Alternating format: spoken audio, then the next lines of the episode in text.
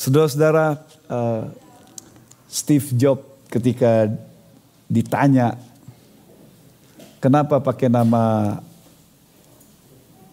iPad, iPhone. Kenapa iPad, iPhone? Lalu kemudian dia menjawab kira-kira seperti ini. Ada dua hal katanya. Satu berhubungan dengan individu secara private, secara pribadi. Yang kedua berhubungan dengan uh, seperti innovation seperti itu. Jadi melakukan sendiri dengan gaya inovasinya, tapi juga bersifat pribadi dia bilang seperti itu. Dan bisa saudara lihat nanti penjelasan lebih lanjut. Tapi istilah itu sangat menarik saudara-saudara. Karena hari ini Yesus berkata, I thirst, bukan iPad, bukan uh, iPhone. Tapi Yesus berkata, aku haus. Dalam bahasa Yunaninya uh, itu satu kata. Tidak di, bukan bukan I am thirsty, tapi I thirst. Aku haus satu penggabungan satu kata yang tidak bisa dipisahkan, saudara-saudara. Aku haus. Perkataan Yesus Kristus di kayu salib ini merupakan perkataan yang uh, kelima yang kita uh, bahas. Dan ini menunjukkan satu perkataan yang sangat-sangat indah sekali saudara-saudara. Di balik itu penuh pengertian dan penuh makna yang indah. Tapi di satu sisi uh, untuk menunjukkan kemanusiaan Tuhan kita Yesus Kristus. Jadi coba kita renungkan perkataan Yesus ini, perkataan yang di kayu salib tergantung dia berkata seperti itu. Kira-kira what is the meaning? Apa artinya? Apa maksudnya? Apa maksud yang dikatakan seperti ini? Saudara-saudara buku Yohanes itu buku yang simple, sederhana. Saudara baca, saudara bisa mengerti dengan bagus. Tetapi semakin itu direnungkan, semakin uh, dalam. Itulah Yohanes, saudara-saudara. Misalnya dia berkata identitas Yohanes pakai istilah murid yang dikasih Yesus. Istilah itu sebenarnya istilah yang sangat dalam sekali yang saya dan saudara butuh. Istilah untuk menunjukkan identitas, menunjukkan motivasi, menunjukkan transformasi, menunjukkan siapa diri kita dan kita tidak perlu lagi mencari identitas yang lain karena Yesus mengasihi kita. Identitas yang sangat luar biasa sekali. Paulus mengerti identitas itu saudara-saudara. Jadi ketika kita merenungkan kelihatannya buku Yohanes, buku yang bagian-bagian yang kita renungkan, kita baca, kita mengerti karena sesuai faktanya. Tetapi ketika saudara duduk merenungkan, di situlah makin pengertian yang makin eh, indah yang Tuhan ingin tuangkan. Dan banyak cerita-cerita. Misalnya Yesus, Matius, Markus, Lukas menceritakan eh, lima roti dan dua ikan. Tapi hanya Yohanes yang menceritakan makna lebih dalam daripada lima roti dan dua ikan. Yesus berkata, kamu datang kepadaku karena kamu sudah kenyang. Karena mulutmu kenyang. Lalu Yesus berkata, kalau kamu ingin kenyang, kamu harus makan rotiku. Makanya Yesus berkata, akulah roti hidup. Jadi cerita Yohanes pasal 6 cerita tentang uh, roti di mana dimakan 5000 orang laki-laki dan belum termasuk perempuan yang diceritakan Injil lain. Tapi Yohanes menceritakan makna yang lebih sesungguhnya bahwa dia adalah roti yang dari surga yang harus datang. Dan untuk kita makan maksudnya kita percaya. Dan itu akhirnya membuat orang Israel memikirkan 40 tahun itu mana datang dan mereka harus makan. Dan mereka memikirkan hal tersebut bahwa mana itu datang dari Tuhan. Allah yang memberikan makanan itu. Jadi dengan kata lain Tuhan dalam ayat itu Yohanes pasal 6 ingin menjelaskan Yesus adalah the provider bahwa dia sanggup memenuhi kebutuhan kita sehari-hari tapi di dasar lebih jauh daripada itu dia memenuhi kebutuhan keselamatan jiwa kita saudara-saudara. Jadi Yohanes misalnya Yohanes 1 ayat 29 Lihatlah anak domba Allah yang mengangkut isi dunia. Simple, sederhana. Tapi ketika saudara merenungkan anak domba Allah, apa maksudnya? Saudara harus melihat perjanjian lama, merenungkan nanti ke depan apa yang dilakukan Tuhan kita Yesus. Nah itulah Yohanes. Kita bahas tentang Yesus di mana ibu Yesus yang datang. Tapi kalau saudara perhatikan baik-baik, ditekankan dalam bagian itu adalah Bukan hanya Yesus kasih teladan, tapi satu penghiburan yang luar biasa untuk orang-orang yang memerlukan kebutuhan pada Yesus Kristus yang datang di kayu salib. Menarik. Maria, ibunya, datang dengan wanita-wanita lain. Dia tidak kasih tahu Yesus kebutuhannya. Bahwa dia perlu dipelihara. Dia perlu nanti masa tuanya seperti apa. Dia tidak kasih tahu tapi Alkitab berkata di kayu salib, Yesus melihat, lalu Yesus berkata. Jadi Yohanes sedang menggambarkan bahwa ketika orang yang apa pun kebutuhannya, ketika datang ke kayu salib, selalu Yesus memperhatikan. Dia peduli, dia mampu, dia mengerti apa yang kita butuhkan. Dan itu terjadi di kayu salib saudara-saudara. Jadi cerita yang apa yang ada tapi penuh dengan makna kebenaran yang luar biasa. Bukan berarti itu hanya sekedar simbol, tapi maknanya itu betul memang itu fakta sejarah, tapi itu penuh dengan makna kebenaran yang Yohanes ingin tekankan. Jadi hari ini saudara-saudara, ketika berbicara I thirst, saya aku haus. Coba kita renungkan baik-baik dan memikirkan konsep yang Yohanes ingin kembangkan ini. Karena tidak ada di Injil-Injil yang lain tapi Yohanes menceritakan ini. Lalu kemudian sesudah itu dia menyerahkan uh, nyawanya sesudah dia berkata aku haus Yesus berkata sudah genap lalu kemudian Yesus menyerahkan rohnya kepada Sang Bapa. Saudara-saudara, mari kita bahas perkat aku haus ini. Bukalah firman Tuhan saudara dalam Yohanes 19 ayat 28 sampai 30. Yohanes 19 ayat 28 30.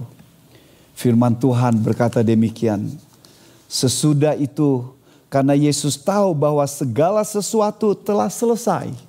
Berkatalah ia, supaya genaplah yang ada tertulis dalam kitab suci.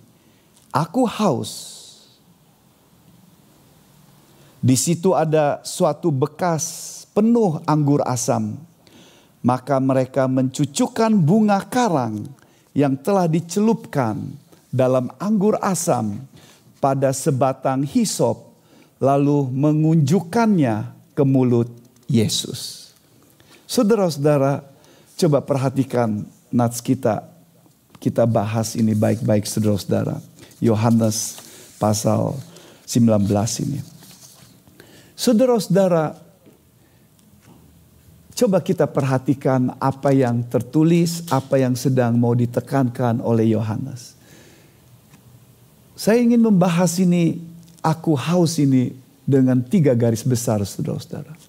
Yang pertama, aku haus menunjukkan bahwa Yesus memenuhi nubuatan dalam perjanjian lama.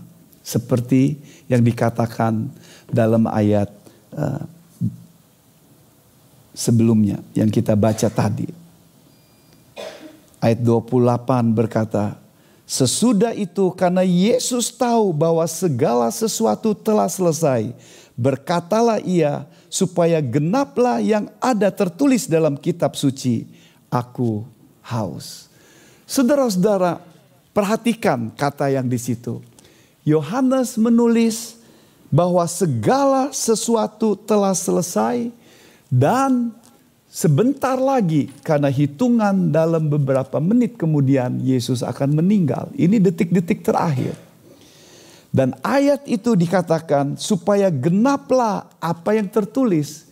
Jadi ini adalah bagian yang terakhir yang sedang digenapi oleh Yesus Kristus saudara-saudara. Dari sekian penggenapan. Dan firman Tuhan berkata, Yesus tahu, ini yang sangat menarik saudara-saudara. Yesus tahu artinya bahwa di tengah-tengah penderitaan Yesus Kristus, Yohanes mengerti ingin memberitahu bahwa Yesus mengerti, Yesus mengetahui ini saatnya. Hal ini mau menunjukkan antara ketuhanan Yesus Kristus, keilahiannya, tapi juga kemanusiaannya.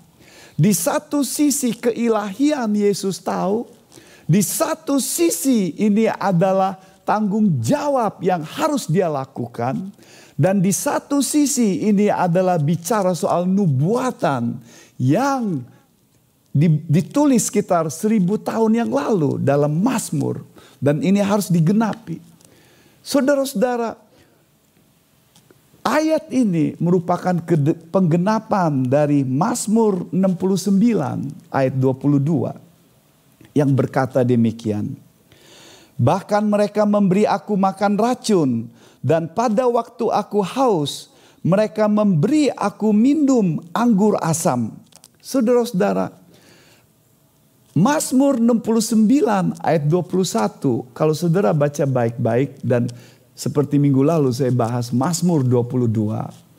Saudara akan dapatkan dua Mazmur itu adalah Mazmur-Mazmur tentang berbicara tentang suffering, tentang penderitaan daripada Sang Mesias, Yesus Kristus. Itu benar dialami oleh Daud, tetapi Daud menubuatkan tentang Sang Mesias yang menderita. Dan dalam ayat ini saudara-saudara, kalau saudara baca Mazmur di rumah nanti, seperti Morgan berkata bahwa tidak ada Mazmur yang begitu menceritakan tentang penderitaan yang amat sangat dan yang begitu intens saudara-saudara selain Mazmur 69. Nanti saudara baca, lihat apa yang dikatakannya tentang penderitaan daripada yang dialaminya dan itu dihubungkan dengan Yesus Kristus, tapi juga bagaimana nanti kemenangan, victory yang diberikan dalam Mazmur. Saudara-saudara, hal yang sama. Jadi dengan kata lain seperti saya katakan minggu lalu, perenungan kemungkinan besar di tengah-tengah waktu itu Yesus sebagai manusia merenungkan Mazmur 22 dan Mazmur 66 di tengah suasana yang suffering yang luar biasa sekali, saudara. Apa yang membuat engkau bertahan dalam situasi keadaan ketika engkau susah? Firman Tuhan. Ketika ingat firman Tuhan, ingat Yesus Kristus. Kalau tidak, kita akan self pity. Kita akan capek, lelah dengan masalah demi masalah yang apalagi yang sedemikian susah, yang overwhelmed dalam yang begitu menghempit hidup saudara. Dan Yesus mengutip firman Tuhan. Ingat firman Tuhan. Kemarin dia mengutip, minggu lalu dia mengutip Mazmur 22. Dan sekarang dia mengutip Mazmur 69. Dan khususnya ayat 21.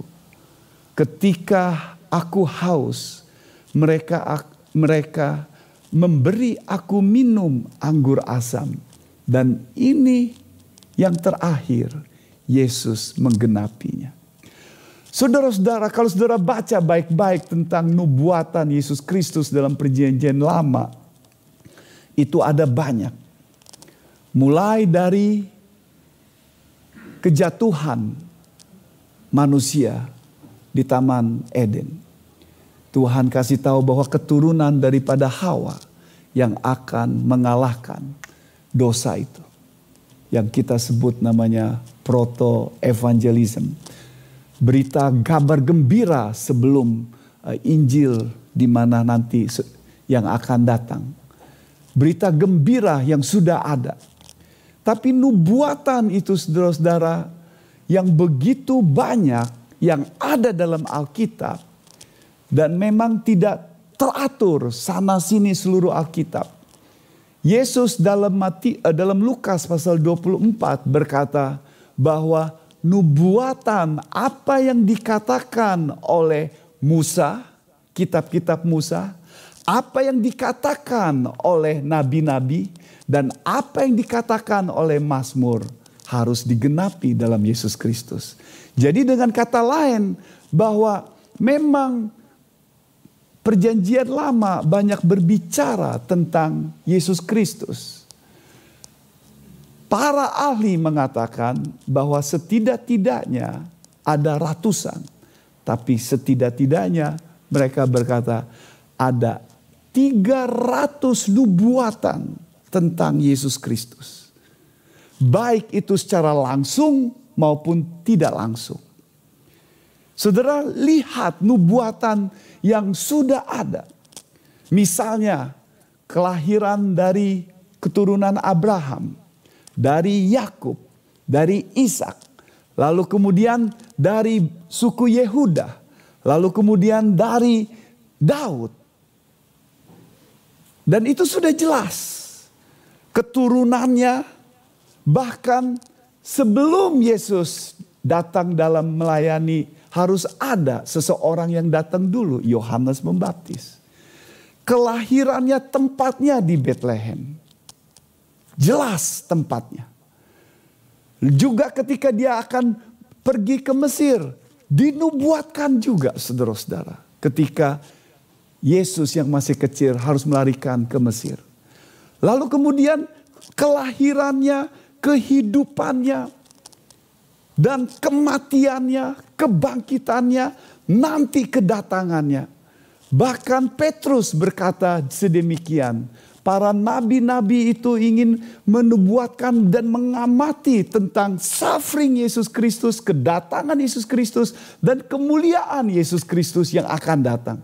Jadi saudara-saudara ketika berbicara tentang nubuatan dan nats ini Yohanes sengaja menulis seperti ini. Apa poinnya saudara-saudara? Apa poinnya? Apa poinnya? Poinnya adalah bahwa Yesus memang betul seorang juru selamat, sang Mesias yang dinantikan itu. Yesus adalah satu-satunya bukan pribadi yang lain. Tidak ada, tidak boleh ada orang lain yang mengaku-ngaku sang Mesias. Tidak boleh ada yang mengaku sebagai sang Christ yang diurapi Tuhan. Dia tidak boleh dari suku lain, dia tidak boleh dari bangsa lain, dia tidak boleh kelahirannya di tempat yang lain, dia tidak boleh ada ciri-ciri yang lain. Sudah jelas untuk itu dibuatkan. Jadi ketika berbicara tentang hal seperti ini, Yohanes di saat terakhir Yesus Kristus, dia hendak ingin mengatakan bahwa lihat Yesus Kristus ini sang Mesias. Lihat Yesus Kristus dia di apa yang dinubuatkan jadi kenyataan. Dan dia sungguh sang juru selamat itu yang sedang tergantung ini. Jadi ketika orang membaca itu melihat dan mengerti. Dan ini membuat takjub kita saudara-saudara. Bahwa memang Alkitab itu adalah story. Cerita tentang rencana Allah yang mengasihi dunia dalam perjanjian lama menceritakan tentang nanti Yesus akan datang. Perjanjian baru berbicara Yesus lahir, hidup, pelayanan, lalu mati, lalu naik ke surga, nanti dia akan datang. Dan that's the story yang begitu indah saudara-saudara.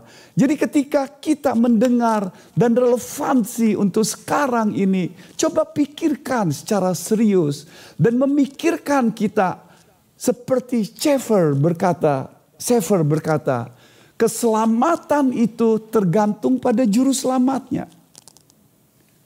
Siapa juru selamat itu? Dan perhatikan apa yang sedang ditawarkan oleh Yohanes. Juru selamat yang macam apa? Juru selamat yang memenuhi nubuat yang ribuan tahun sudah ada. Dan itu digenapi saudara-saudara. Kita tahu Mazmur 69 itu adalah seribu tahun sebelum Yesus lahir. Dan itu sudah dinubuatkan. Dan Yesus menepatinya. Untuk menunjukkan satu rencana yang luar biasa. Tapi untuk menunjukkan keilahian Tuhan kita Yesus Kristus. Tapi juga untuk menunjukkan tanggung jawab manusia. Responsibility. Apa yang harus dilakukan. Di satu sisi satu nubuatan tapi di satu sisi itu harus dilakukan dengan segenap hati oleh Tuhan kita, Yesus Kristus. Saudara-saudara, ketika bicara soal nubuatan ini membuat saudara dan saya takjub. Takjub oleh karena rencana yang begitu luar biasa sekali. Yang begitu indah. Dan Yesus bukan hanya sekedar lahir. Tapi itu adalah program rencana Allah untuk dunia ini, untuk manusia ini, untuk saudara dan saya. Mujizat, satu mujizat. Itulah sebabnya salah satu apologetik kekristenan adalah mujizat nubuatan yang ditepati. Tidak ada yang lain yang bisa mengalahkan hal yang seperti ini. Ini adalah dasar iman kita bahwa nubuatan perjanjian lama itu ditepati dan tidak ada yang bisa melakukan itu di dunia ini tidak ada saudara-saudara. Yang kedua yang saya ingin bahas saudara-saudara ya, membahas tentang bahwa aku haus ini berbicara tentang kemanusiaan Yesus Kristus berbicara tentang Yesus sebagai manusia. Selagi kita berbicara tentang salib Yesus Kristus, jangan lupa bahwa dia manusia sejati. 100% manusia. Aku haus. Siapa yang tidak haus kalau menderita seperti Yesus Kristus? Dehydration istilahnya saudara-saudara atau bahasa Indonesianya uh, de uh, apa ke, ke, kekurangan air. Ya. Diterjemahkan dalam bahasa Indonesia de, uh, dehidrasi yang seperti biasa terjemahannya. Ya. Ketika seseorang ada masalah kekurangan air, itu sangat berbahaya. Kita setidak-tidaknya dalam satu hari harus minum katanya 8 liter saudara-saudara. Eh 8 liter, 2 liter atau 8 gelas air. Ya, 2 gelas air. Dan kalau kekurangan air itu kita akan letih, lemas, pusing, mumet dan bisa pingsan. Apa yang menyebabkan dehidrasi ini atau uh, dehydration ini saudara-saudara. Bisa kecapean, bisa karena olahraga, bisa karena keringat keluar, bisa karena kita tidak intake, tidak minum. Dan itu bisa membuat berbahaya. Suatu kali Eh, beberapa tahun yang lalu seperti saudara tahu saya ke, sudah kena uh, operasi jantung. By God grace saya bisa uh, siuman kembali sudah tiga hari tidak siuman dan teman-teman dan jemaat kita semuanya mendoakannya. But God penuh dengan uh, mujizat dan kasihnya masih beri kesempatan saya hidup. Tapi beberapa bulan saya masih nafasnya masih tersengal-sengal. Lalu kemudian spesialis jantung saya ketika periksa ternyata ada masalah yaitu salah satu habis operasi jantung biasanya harus dicek paru-parunya karena paru-parunya biasanya akan banyak uh, bisa kemasukan air katanya. Jadi kembali lagi ke rumah sakit lalu kemudian uh, yang mengoperasi jantung saya dan ternyata benar paru-paru saya itu ada air yang banyak sekali saudara-saudara. Jadi harus diambil. Jadi diambillah. Saya tertidur tapi saya bisa melihat, uh, bisa memperhatikan hanya uh, di bagian dibuat kebal di bagian tempat uh, bagian perut saja yang akan diambil. Ya. Dan dua dokter ngomong-ngomong, satu dokter jantung, satu dokter uh, yang akan ngambil ini Lalu mereka ngomong-ngomong, saya dengar kayaknya ada masalah katanya. Jadi saya tambah kaget lagi, wah ada masalah. wah, aduh, ya dia meskipun dokternya bilang don't worry, don't worry, don't worry. Tapi wah how come itu uh, jarumnya panjang sekali, yang supaya masuk kalau dia bilang kalau kesenggol sedikit bisa kena paru-paru bahaya katanya. Jadi itu harus hati-hati. Singkat cerita, lalu diambil, saudara tahu berapa air yang ada di paru-paru itu. Lalu sedang diukur mereka bilang sudah selesai hampir 2 liter katanya airnya itu. Begitu banyak. Dan saudara tahu ketika saya kehabisan air di tubuh saya ketika mau bangun. Oh, dan mereka bilang jangan, jangan jalan katanya. Tidur lagi, tidur lagi katanya. Dan itu pusing sekali. Itu saudara-saudara. Tapi saya tidak keluar pendarahan. Saya tidak dipaku. Saya tidak disalib. Dan saya masih makan sebelumnya. Tapi Yesus Kristus sejak subuh saudara-saudara. Sejak subuh dan mungkin dalam keadaan yang sudah tidak makan, tidak minum, haus. Itulah sebabnya supaya saudara tahu kenapa Yesus tidak mampu untuk mengangkat salibnya, memikul salibnya.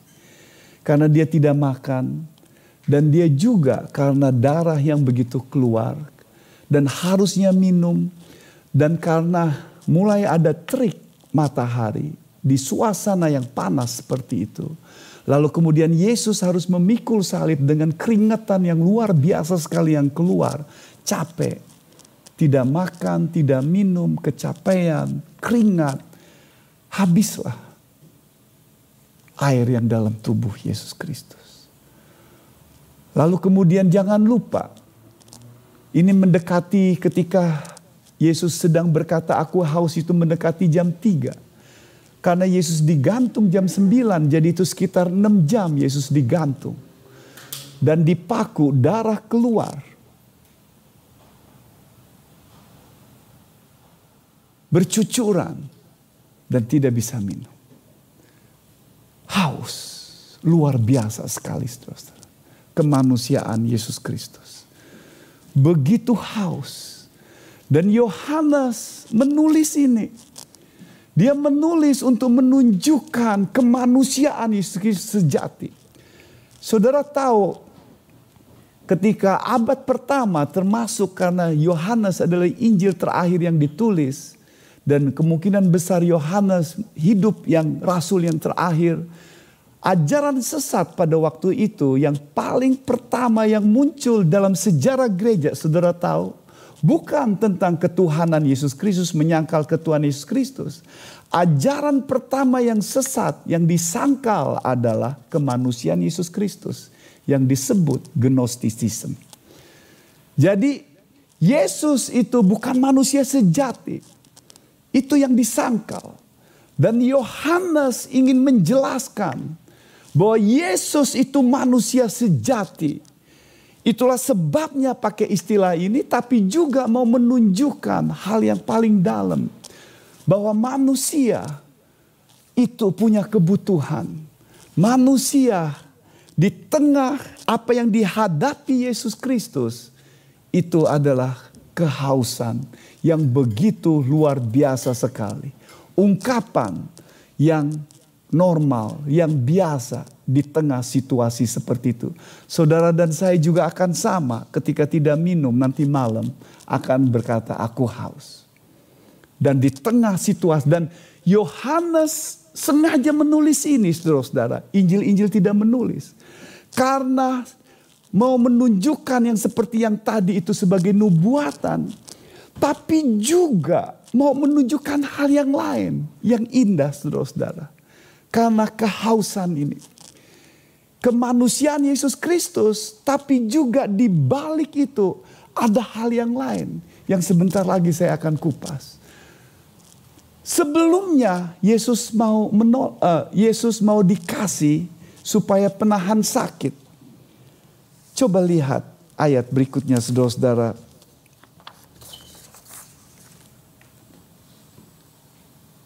Matius 27 ayat 34. Ketika Yesus mau disalib, lalu mereka memberi dia minum anggur bercampur empedu setelah ia mengecapnya, ia tidak mau meminumnya. Jadi ini yang pertama yang Yesus minum. Yaitu minum anggur bercampur empedu. Tapi Yesus tidak mau. Kenapa saudara-saudara?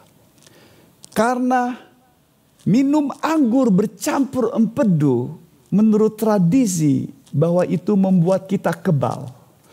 Itu seperti kita minum sesuatu yang seperti morfin lalu kemudian kita bisa tidak uh, tidak sakit. Kalau saudara kesakitan di rumah sakit dikasih yang paling kuat itu morfin.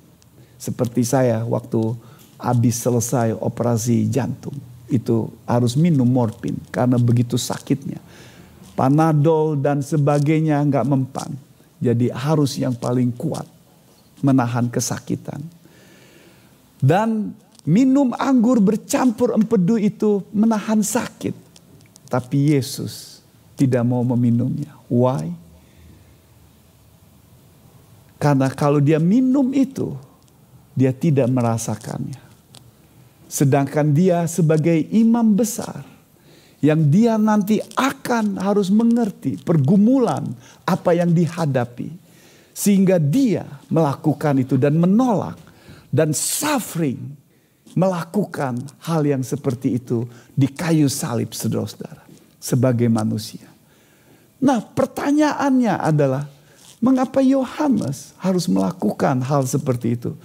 Ini penggenapan yang pertama, ini kedua tentang kemanusiaan Yesus Kristus yang memang betul-betul suffering. Tapi yang ketiga, saudara-saudara, ini yang indah yang Yohanes ingin tekankan. Yang ketiga adalah Yohanes ingin menekankan, firman Tuhan ingin menekankan, pengalaman yang Yesus lakukan itu adalah supaya manusia itu tidak mengalaminya karena sudah digantikan oleh Yesus Kristus. Itu yang mau ditekankan oleh Yohanes. Apa yang dilakukan oleh Yesus Kristus sebagai human being itu dilakukan supaya kita mengerti bahwa Yesus sudah mengalaminya. Dan Yesus yang sudah mengalaminya itu dia sanggup untuk memberikan air yang hidup bagi saudara. Seperti yang dia katakan di Yohanes 4 dan Yohanes 7. Kalau kamu minum air ini, engkau akan haus, kata Yesus pada perempuan Samaria. Yaitu air sumur yang Yesus sedang mau sedang katakan. Kalau kamu minum air ini terus menerus, air kehidupan, air kenikmatan dunia, engkau akan haus. Tapi air yang akan kau berikan itu tidak akan haus Yohanes 7 Yesus berkata bahwa dari orang yang percaya Yesus Kristus dari roh Holy Spirit akan memberikan sumber air hidup yang tidak habis-habisnya. Yesus sumber air hidup.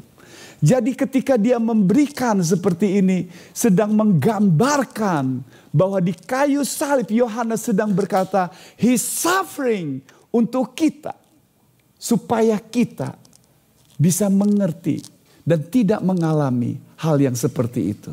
Biar saya buktikan saudara-saudara. Saudara lihat baik-baik ayat ini. Lihat ayat berikutnya saudara-saudara. Yohanes 19 eh, ayat 29. Di situ ada satu bekas penuh anggur asam. Maka mereka mencucukkan bunga karang yang telah dicelupkan dalam dalam anggur asam pada sebatang hisop lalu mengunjukkannya ke mulut Yesus. Saudara lihat. Sebatang hisop lalu menunjukkan ke mulut Yesus. Saudara perhatikan Yohanes sering kali memberikan satu ungkapan-ungkapan supaya kita berbalik, penulisnya berbalik kepada perjanjian lama. Misalnya ketika wanita yang berzina ketika ditanya apa yang harus dilakukan, Yesus menulis di tanah supaya para penanya ahli Taurat dan ahli-ahli agama itu mengerti bahwa ingat waktu di hukum Taurat diberikan jari-jari Tuhan yang menulis. Jadi Yesus sedang berkata, engkau bertanya kepada si pembuat hukum Taurat. Engkau bertanya kepada si pembuat hukum Taurat yang di mana harusnya engkau mengingat. Jadi ketika Yesus menunjuk menulis, mereka harus mengingat jari-jari Tuhan yang menulis hukum Taurat itu. Harusnya para ahli Taurat itu tahu saudara-saudara. Jadi ketika Yohanes sedang menceritakan tentang ini dan khususnya ditulis dalam ayat ke 29 ini bahwa di situ ada satu bekas penuh anggur asam maka mereka mencucukkan bunga karang yang telah dicelupkan dalam anggur asam pada sebatang hisop lalu menunjukkannya ke mulut Yesus. Lalu ayat 30 Yesus meminumnya. Tapi yang pertama Yesus tidak mau meminumnya tapi yang kedua, Yesus meminumnya, saudara-saudara. Sesudah Yesus meminum anggur asam itu, berkatalah ia, "Sudah selesai." Lalu ia menundukkan kepalanya dan menyerahkan nyawanya. Saudara-saudara, coba perhatikan apa yang ingin digambarkan oleh Yohanes ini dengan menggambarkan Yesus yang mati itu untuk menebus dosa kita dengan istilah hisop. Hisop mau tidak mau saudara harus menengok ke belakang saudara-saudara. Kapan pertama kalinya hisop itu dipakai? Hisop adalah semacam dari uh, pohon yang herbal, daun-daunan yang biasa dipakai bisa untuk uh, sebagai alat saluran transfer untuk sesuatu, cairan dalam konteks kita adalah darah. Coba buka keluaran 12 ayat 22 saudara-saudara. Keluaran 20, 12 ayat 22 firman Tuhan demikian. Kemudian kamu harus mengambil seikat hisop dan mencelupkannya dalam darah yang ada dalam sebuah pasu. Dan darah itu kamu harus sapukan pada ambang atas pada kedua tiang pintu. Dan se seorang pun dari kamu tidak boleh keluar dari pintu rumahnya sampai pagi. Jadi saudara perhatikan baik-baik saudara-saudara. Dan ingat hari itu adalah hari Paskah, hari Jumat.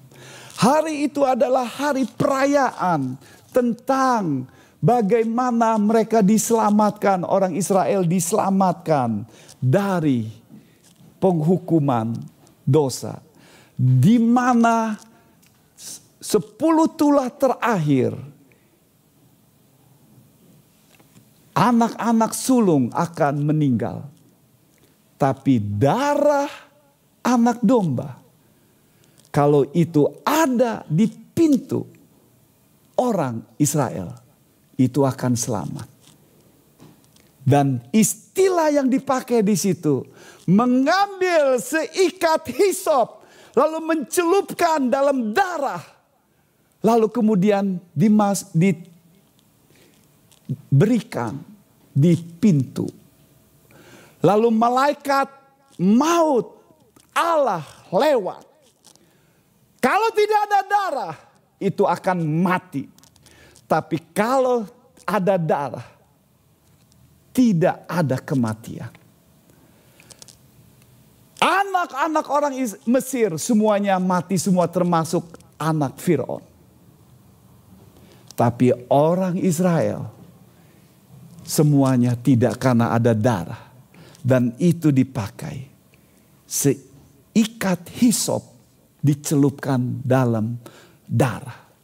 Hisop menunjukkan sebagai satu min alat untuk transferring, yaitu satu alat yang dipakai untuk supaya darah dipakai untuk mengalahkan kematian. Jadi ketika Yohanes sedang menulis ini saudara-saudara. Ketika dia bicara tentang aku haus berbicara bahwa ini nubuatan yang digenapi Yesus bagian terakhir, berbicara tentang kehausan kemanusiaan Yesus Kristus yang sejati. Tapi di balik itu Yohanes ingin melihat, lihat darah Yesus Kristus, lihat darah anak domba Allah, bukan darah anak domba kambing yang diserahkan, tapi dia darah anak domba yang tercurah mati di kayu salib yang saat itu dia sedang minum saudara-saudara. Jadi seharusnya orang Israel melihat itu membaca ini, merenungkan dan dia ingat apa yang dikatakan Yohanes 1 ayat 29. Lihat darah anak domba, lihat anak domba Allah yang mengangkut isi dosa-dosa dunia. Dengan kata lain di kayu salib Yesus mati mengingatkan darahnya yang tercurah untuk kita, untuk saudara dan saya. Supaya saudara tidak haus dalam dunia ini. Supaya saudara ada kepuasan dalam Tuhan kita Yesus Kristus. Indah bukan saudara-saudara. Itulah sebabnya Yohanes sengaja menulis dengan satu rentetan. Bapakku, Bapakku, mengapa engkau meninggalkan aku keterpisahan dengan Tuhan? Baru dia berkata, aku haus sebagai kemanusiaannya karena keterpisahan. Men manusia yang terpisah dengan Tuhan. Mencari Allahnya dalam dirinya sendiri. Mencari kepuasan dalam dirinya. Dan tidak pernah akan puas. Tetapi Yesus yang mati di kayu salib itu menolong kita supaya engkau tidak haus lagi dalam dunia ini. Karena dia sudah menggantikan saudara. Dia mati untuk saudara. Indah bukan saudara-saudara. Menyegarkan apa yang kau cari dalam dunia ini. Barang benda pekerjaan happy family lepaskan itu dari Yesus Kristus, engkau akan kehausan terus. Tapi ketika Yesus yang jadi senternya, dia sudah mati untuk saudara. Memperbarui hidup saudara, menguatkan saudara. Supaya saudara tidak kehausan dalam dunia ini. Dia menyegarkan jiwa saudara. Aku haus mau menunjukkan Yesus mati di kayu salib. Tercurah darahnya untuk saudara, untuk saya. Sehingga kita bisa mendapat kepuasan dalam Yesus Kristus. Mari kita berdoa bersama-sama.